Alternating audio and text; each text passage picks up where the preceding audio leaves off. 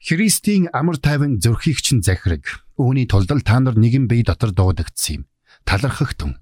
Колосей 3-ын 15.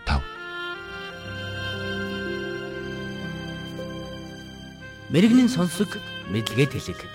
Ухаалаг нь мэрэгэн өдрөмжийг мөн авг. Доктор Харалт цаалогийн мэрэгэн зөвлөмж нэвтрүүлэг.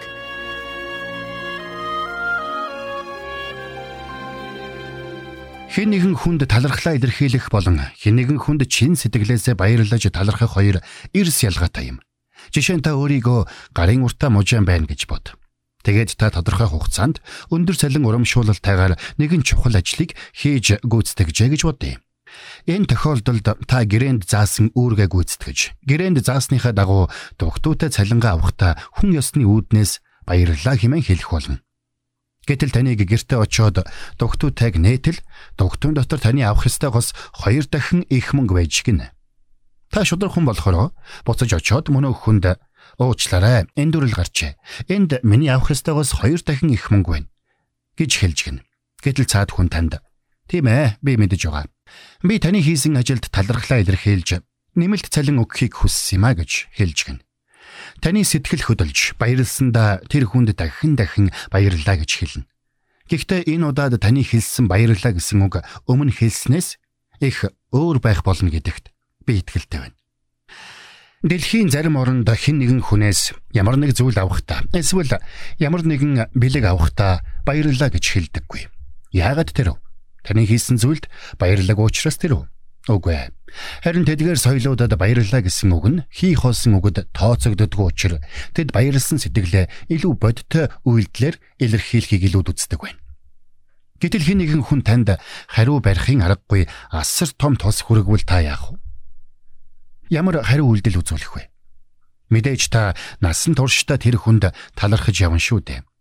Учир нь чин сэтгэлийн талархал гэдэг зүгээр нэг хоосон үг биш.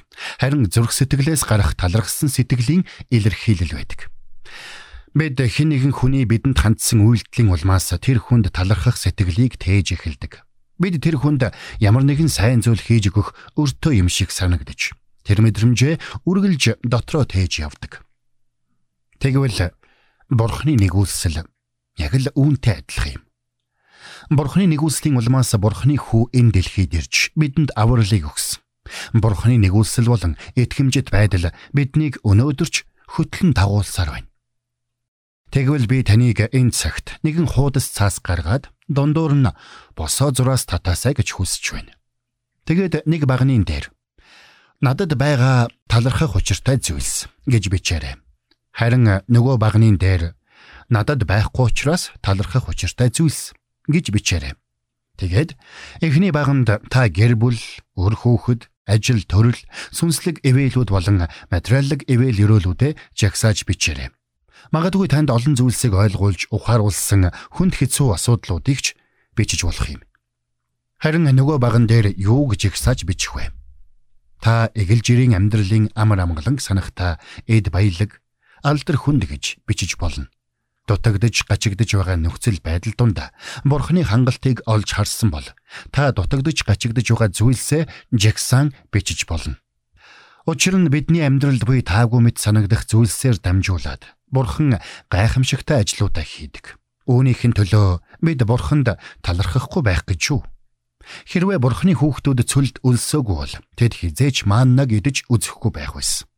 Хэрвээ Даниэл арслангийн үүрэнд хаягдаагүй бол хизээч бурхны агуу хүч чадал арслангаас илүү хүчтэй гэдгийг мэдэж чадахгүй байх байсан.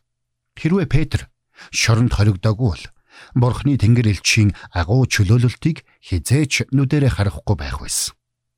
Чин сэтгэлийн талархал гэдэг юунд талархах ёстойгоо болон хэнд талархах ёстойгоо мэдэж байхын нэр юм. Тийм ээ.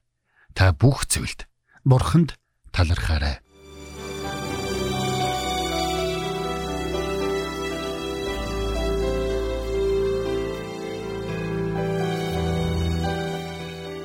Мэргэн нэгнийг дагуул мэргэн, мулгуутай нөхөрлөл хорлол. Доктор Харалт цайлигийн мэрэгэн зөвлөмж нэвтрүүлэг танд хүрэлээ.